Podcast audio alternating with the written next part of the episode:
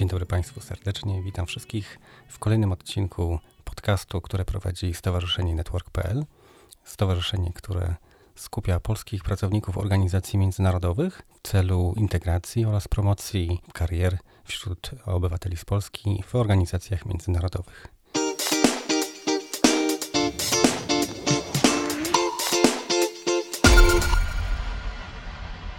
Nasz podcast ma na celu przedstawić Państwu historię ludzi, którzy mm, trafili z różnych części kraju do instytucji europejskich, zajmują różne stanowiska i są w stanie Państwu przybliżyć, na czym polega ich praca oraz w jaki sposób trafili do miejsca, w którym aktualnie się znajdują oraz czym zajmuje się ich instytucja. Dzisiaj będziemy rozmawiać o Europejskim Komitecie Ekonomiczno-Społecznym, który jest swego rodzaju pomostem pomiędzy organizacjami interesariuszy, takimi jak związki zawodowe czy związki pracodawców, a instytucjami europejskimi, które tworzą prawo europejskie, czyli Komisją Europejską, Parlamentem Europejskim i Radą Europejską. E, ze mną w studiu dzisiaj jest Jakub Szumielewicz. Witam Państwa. Który zanim powie o swojej pracy, chciałbym właśnie taką ciekawostkę opowiedzieć o komitecie, ponieważ prace komitetu są prowadzone przez przewodniczącego, tak Jakubie? Tak się na polski tłumaczy. Przewodniczący. Przewodniczący, który ma swój gabinet e, ze swoją obsługą i ten gabinet ma również swojego szefa gabinetu. Natomiast kierowaniem całej administracji, która na co dzień obsługuje pracę delegatów, którzy przybywają na narady i debaty w komitecie, całą tą administracją kieruje sekretariat generalny, e, który również ma swój zespół, e, którego szefem nie jest sekretarz generalny, natomiast którego szefem jest Jakub. Szefem całej administracji jest mój szef, sekretarz generalny. Ja mu pomagam ogarniać tą całą administrację. Natomiast ta pomoc jest, y, to nie jest rola asystencka, prawda? Na czym polega ta pomoc? Pomagam mu we, właściwie we wszystkich e, aspektach prowadzenia instytucji, która ma prawie 700 osób. I od spraw e, kadrowych po rozwiązywanie problemów codziennych, prowadzenie spraw mm, legislacyjnych, czyli opiniodawczych, te, które komitet ma przeprowadzić dla Komisji, dla Parlamentu Europejskiego, dla Rady, ale wszystkie inne sprawy, które sięgają od logistyki, przez transport, potłumaczenia, relacje między dyrektorami, dyrektorkami, szefami unitów, e, te wszystkie sprawy potrzebują codziennego doglądu, potrzebują e, pielęgnacji i koordynacji. Ja mu w tym wszystkim pomagam, ponieważ jest nas aż 700 osób w komitecie. Nie da rady tego załatwić tylko przez jedną osobę. Mamy ekipę siedmiu osób. Ja stoję na jej czele i pomagam mu w przeprowadzeniu i legislacyjnego procesu, ale jednocześnie codziennemu zarządzaniu instytucji, która ma rozmiar właściwie jednej dyrekcji generalnej z Komisji Europejskiej. Michale, tylko jedno zastrzeżenie. To, co powiem w Twoim podcaście, to moja prywatna opinia i nie odzwierciedla oficjalnego stanowiska EKS-u. Z reguły na poziom sekretarza generalnego, na, nasz, na poziom mojego zespołu trafiają problemy, których nie dało rady rozwiązać w, na szczeblu poniżej. I mm, to też świadczy o różnorodności najróżniejszych e, zagadnień, z jakimi przychodzi nam codziennie się zmierzyć. Czyli można powiedzieć, że jesteście swego rodzaju strażakami gaszącymi pożary, które wybuchają w różnych działach, tak? Tak, e, to pojęcie strażaka e, używam niejednokrotnie. Pomagamy też w dobrym dogadywaniu się między różnymi zespołami lub dyrekcjami. Niejednokrotnie dane zagadnienie wymaga współpracy dwóch, trzech czy więcej dyrekcji, i my, my jesteśmy takim olejem na te mechanizmy, które pozwalają, aby komitet działał. Właściwie lubię to porównanie. Nie, bardziej olejem niż strażakami. Wolę być olejem niż strażakiem, ale niejednokrotnie. E, trzeba te role połączyć. Trzeba te, te role, po, te dwie role Niejednokrotnie trzeba te role połączyć, ale y, staramy się, aby mm, też ustawić ten komitet w taki sposób, aby było tych potrzeb jak najmniej. Także decydujemy też o samym kształcie i planie, schemacie organizacyjnym y, komitetu i pracowników.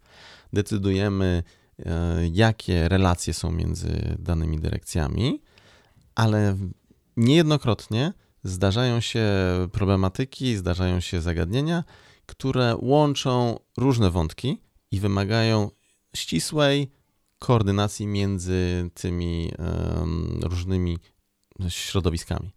Naszą rolą jest, aby te wszystkie elementy razem wspólnie zadziałały dla dobra komitetu. Super, to jest ciekawe i myślę, że dla polskiego odbiorcy może być też również potrzebne, żebyśmy wyjaśnili tą kwestię różnicy pomiędzy pracownikami komitetu, czyli tymi 700 osobami, jak i delegatami, którzy przyjeżdżają do Brukseli na obrady. To może jeszcze wrócę do, do początku. Komitet Ekonomiczno-Społeczny, Europejski Komitet Ekonomiczno-Społeczny jest e, organem powołanym na mocy traktatu rzymskiego. Jesteśmy od samego zarania Unii obecni na tej scenie. I jego zadaniem jest e, opiniowanie przyszłych aktów prawnych Unii Europejskiej. Działamy na potrzeby Komisji Europejskiej, Parlamentu Europejskiego i Rady y, Unii Europejskiej. Jesteśmy głosem, takim pomostem, tak jak wspomniałeś, między Brukselą i tymi instytucjami, a zorganizowanym społeczeństwem obywatelskim. Tych delegatów, członków, mamy aż 329 z różnych państw. Z Polski mamy 21 i oni są nominowani przez państwa członkowskie. Właściwie to są prezentowani do, do, do nominacji. Sama Rada Unii Europejskiej ich powołuje, ale procesy w różnych państwach są dosyć różne. Niemniej z każdego państwa pochodzą ci członkowie i to są nominacje na 5 lat. Tak czy inaczej, rządy są dosyć włączone w, tą, w ten proces. Mhm. I członkowie komitetu, którzy pochodzą z tych 27 państw członkowskich, mają e, rolę opiniodawczą. Muszą stworzyć e, dokumenty, które będą mówiły, czy dana legislacja ma szansę powodzenia w procesie, czy też trzeba ją w jakiś sposób polepszyć, usprawnić. Te opinie komitetu są często takim papierem lakmusowym, czy dane prawodawstwo ma szansę powodzenia, czy też nie. Mamy trzy grupy i członkowie dzielą się według trzech, tych trzech grup. Są to pracodawcy, pracobiorcy i inne interesy. I w pierwszej grupie mamy Federację Pracodawców, Izby Handlowe, organizacje małych i średnich przedsiębiorstw. W drugiej grupie pracowników są to związki zawodowe, a w grupie trzeciej mamy organizacje społeczeństwa obywatelskiego, rolników, konsumentów, organizacje pozarządowe, wolne zawody, najróżniejszych innych interesariuszy. I ci członkowie zupełnie nie mają nic wspólnego z administracją.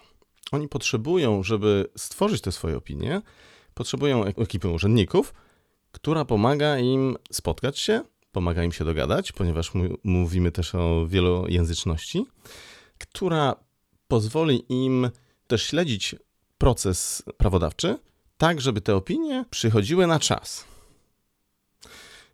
I to jest rola Sekretariatu Generalnego Komitetu Ekonomiczno-Społecznego, której wielkim szefem jest mój szef, sekretarz generalny, yy, i ja mu pomagam w tym.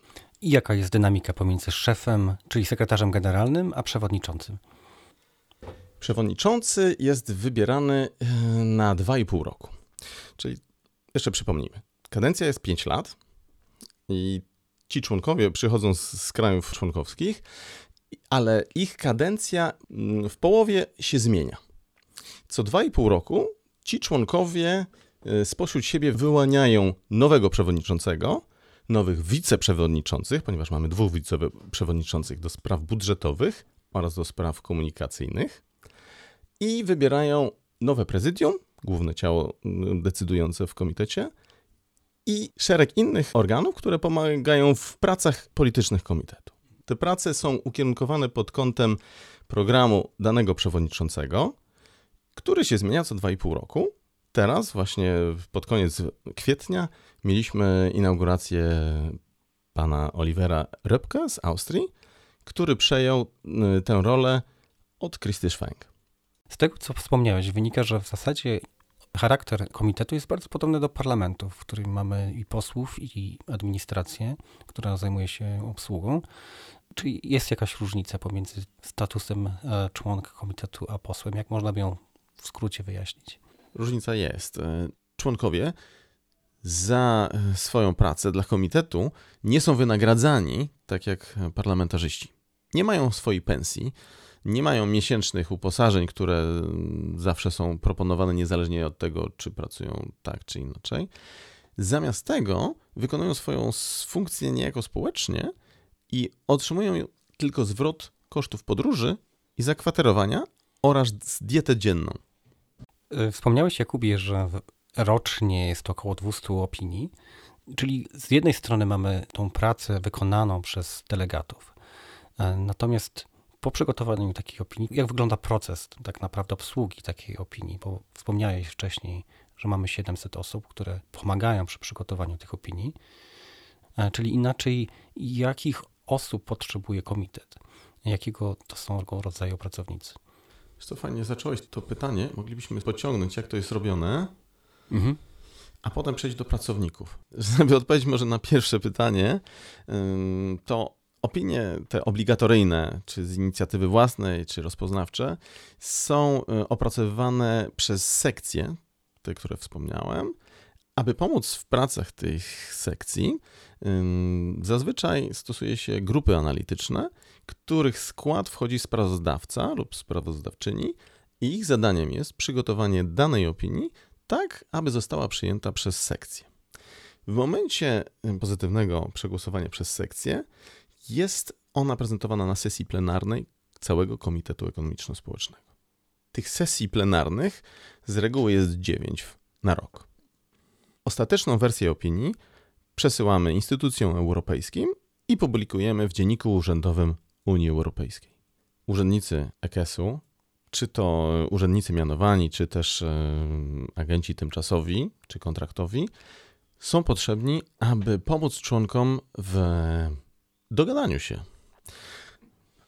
Oni przygotowują spotkania, oni e, upewniają się, że jest tłumaczenie na nich, oni przygotowują dokumenty robocze. Czasem pomagają też w opracowaniu tych, tych tematów wstępnie i zależnie od woli sprawozdawcy lub sprawozdawczyni, mogą się bardziej lub mniej zaangażować w też w przygotowanie samej treści opinii. Wśród tych pracowników też mamy personel, który nie uczestniczy w samym procesie opiniodawczym, ponieważ mówimy o dwóch dyrekcjach spośród całego komitetu, ale pomagają, aby ten cały organizm działał. Także mamy tłumaczy, mamy osoby odpowiedzialne za logistykę, mamy osoby odpowiedzialne za kadry, mamy osoby, które są też e, odpowiedzialne za przygotowanie sesji plenarnych. E, na pewno trudnym dla komitetu był czas pandemii. W jaki sposób te obrady się w tym czasie odbywały? Czy generalnie proces dalej się odbywał, czy zostało to wszystko zamrożone? To jest bardzo ciekawe pytanie. Ten e, okres COVID-u był dla mnie osobiście niezmiernie trudny. W zespole sekretarza generalnego, którego wtedy nie byłem jeszcze szefem, pojawiły się nowe problemy i zorganizowanie prac komitetu w czasie pandemii było dla nas priorytetowym zadaniem.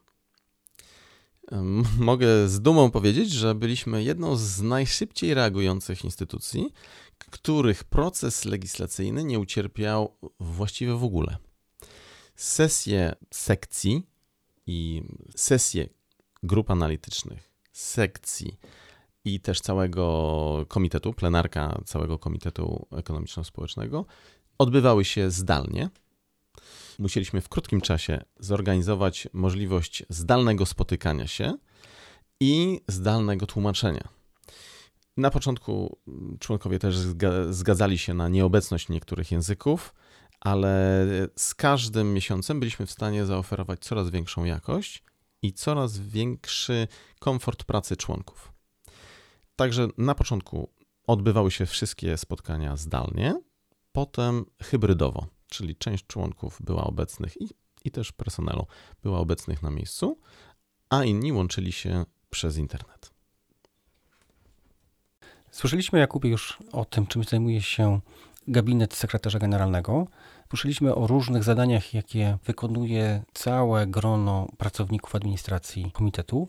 Chciałbym w takim razie przejść do tematów bardziej osobistych i nakreślić może Twoją ścieżkę kariery, w jaki sposób uzyskałeś to stanowisko i może byś wspomniał też trochę o swoich początkach w komitecie, zwłaszcza, że to są bardzo ciekawe zagadnienia związane z tym, o czym też wspomniałeś wcześniej, czyli kwestią wielojęzykowości. Tak. Y, przyszedłem do pracy w 2004 roku, tuż po rozszerzeniu Unii. I niejako przypadkiem, właściwie to nawet niejako, trafiłem przypadkiem, zostałem zaproszony na konkurs wewnętrzny dla tłumaczy, ponieważ wtedy już byłem magistrem anglistyki i byłem w trakcie kończenia moich studiów w Szkole Głównej Handlowej. Byłem dobrym kandydatem dla Ekonomiczno-Społecznego Komitetu, który poszukiwał tłumaczy na polski. E, wziąłem udział w, w, konkursie dla pracowników tymczasowych. E, udało mi się go przejść. Pracowałem aż do momentu, w którym mogłem zostać urzędnikiem mianowanym poprzez zdanie konkursu EPSO, co nastąpiło bodaj dwa lata później. I dobrze wiem, jaki jest los pracownika tymczasowego. I mm, dobrze zdaję sobie sprawę z tego, jak e, trudny, nieraz stresujący jest okres wyczekiwania na stabilność e, zatrudnienia. W służbach tłumaczeniowych komitetów, ponieważ pracowałem dla Komitetu Ekonomiczno-Społecznego i dla Komitetu Regionów, pracowałem około 4,5 roku. Po 4,5 roku pracy w tłumaczeniach z powodów osobistych wziąłem udział w, w ponownym, w drugim konkursie EPSO dla ekonomistów. Potem, jak udało mi się go zdać, nasze kadry odnotowały ten fakt i zostało mi zaoferowane inne stanowisko już w kadrach w dziale wsparcia dla personelu. W dyrekcji kadr e, spędziłem kilka lat, e, w dziale wsparcia dla personelu, następnie w dziale rekrutacji, też na stanowisku horyzontalnym, szczególnie przy pracach y, nad nowym regulaminem pracowniczym. I w pewnym momencie zostało mi zaoferowane stanowisko szefa sektora do spraw e, oceny pracowniczej i awansów. W tamtym miejscu zaproponowałem niektóre zmiany, które według mnie wymagały korekty do, w systemie oceny. I Udało mi się przekonać zarówno szefa, jak i dyrektora. W 2016 roku, prezentując tę reformę oceny pracowniczej i awansów e, w komitecie, miałem okazję mm, dać się poznać przez ówczesnego sekretarza generalnego, pana Luisa Planasa, który zaproponował mi po kilku tygodniach współpracę. I w tym momencie, niedługo ciesząc się z owoców własnej pracy w kadrach e, nad tym e, nowym mm, systemem oceny, zostałem zaproszony, aby pracować blisko z sekretarzem generalnym, nie jednak w charakterze kierownika. Może warto dodać, że praca w gabinecie sekretarza generalnego jest dosyć męcząca i nie da rady tam wiecznie trwać. E, nie jesteśmy co prawda gabinetem politycznym, także nie zmieniamy się co 2,5 roku i generalnie skład mojego zespołu to urzędnicy mianowani, jednak ciśnienie, presja daje o sobie znać i można tam wytrzymać kilka lat. Także wcześniej czy później, czy moi pracownicy, czy też ja, mm, znajdziemy się w innym miejscu komitetu, tudzież parlamentu czy komisji. Jakubie, widzę, że cały czas czerpiesz niezmierną radość z pracy, jaką wykonujesz i mam nadzieję, że ten entuzjazm również przeleje się na naszych e, słuchaczy. Być może w związku z tym chcieliby oni poczynić kroki, żeby stać się częścią komitetu, e, jako właśnie korpus wspierający. Jaki byś im doradził e, kroki żeby, mm, żeby przybliżyć się właśnie w tą stronę.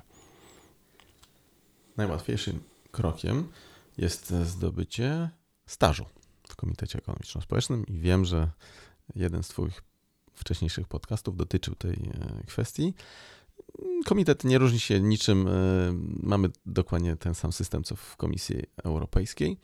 E, wiadomości na temat, jak zdobyć staż, są dostępne na naszej stronie internetowej, jak również pozycje, które są oferowane jako pracownicy tymczasowi lub kontraktowi. Te stanowiska są publikowane na stronach EPSO, na naszej stronie internetowej oraz na profilu LinkedIn EKS-u. Zdobycie zatrudnienia jako urzędnik mianowany wymaga przejścia mm, egzaminów EPSO. Także zachęcam też e, kolegów z innych instytucji do rozważenia EKS-u jako potencjalnego pracodawcy.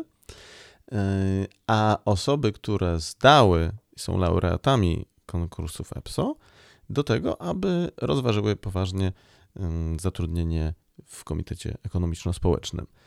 Sam rozmiar niejako de determinuje stosunki między kolegami.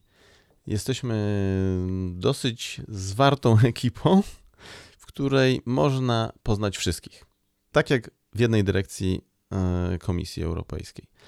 A co do samych e, wniosków o pracę, e, warto oczywiście czytać opis stanowiska i w swoim liście motywacyjnym odnieść się do najważniejszych zagadnień tam wymaganych. I samo CV, czy też list motywacyjny dobrze napisany pod kątem przyszłego miejsca pracy, zwiększa o wiele szanse na zatrudnienie. Dziękuję bardzo, Jakubie. Myślę, że to było bardzo interesująca rozmowa dla naszych słuchaczy. Cieszę się, że wytrzymaliście z nami te interesujące kilkanaście minut. E, I ja z mojej strony zapraszam e, wszystkich do wysłuchania naszych pozostałych odcinków i liczę, że już niedługo usłyszymy się z powrotem. Dziękuję bardzo. Dziękuję bardzo.